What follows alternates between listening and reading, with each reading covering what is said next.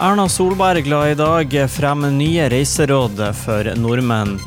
Det arbeidet vi driver med nå, handler om å få bilaterale løsninger mellom de nordiske landene, åpna statsminister Erna Solberg med. Hun la til at Norge og Danmark er enige om å gjenåpne for reiser mellom Norge og Danmark 15.6. Det betyr at nordmenn kan reise på ferie til Danmark, og danskene kan komme hit, erklærer statsministeren. Samtidig så var hun rask å legge til at det er viktig å følge smittevernreglene i de forskjellige landene når man skal ut på reise. Reiser til Island, Finland og Sverige uten karanteneplikt skal diskuteres, informerer Solberg om. Antall flyavganger normaliseres på anbudsrutene til Widerøe i sommer. Fortsatt blir det begrensa setekapasitet som følge av smitteverntiltakene. Antall flygninger på anbudsrutene, som er svært mange av rutene i distriktene, blir tilsvarende som sist sommer, men antall seter tilgjengelig for salg er 50% lavere enn normalt, opplyser Widerøe.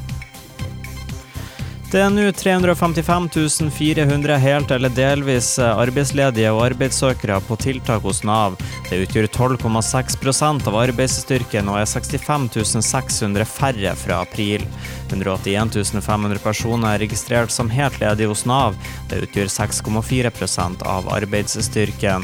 Nedgangen i arbeidsledige skyldes i hovedsak færre permitterte.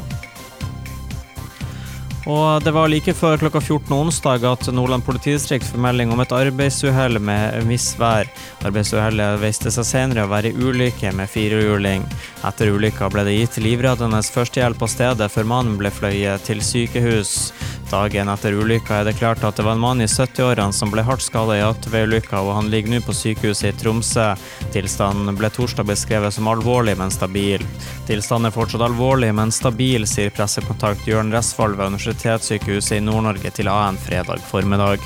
Og det var siste nytt. I studio Benjamin Solås.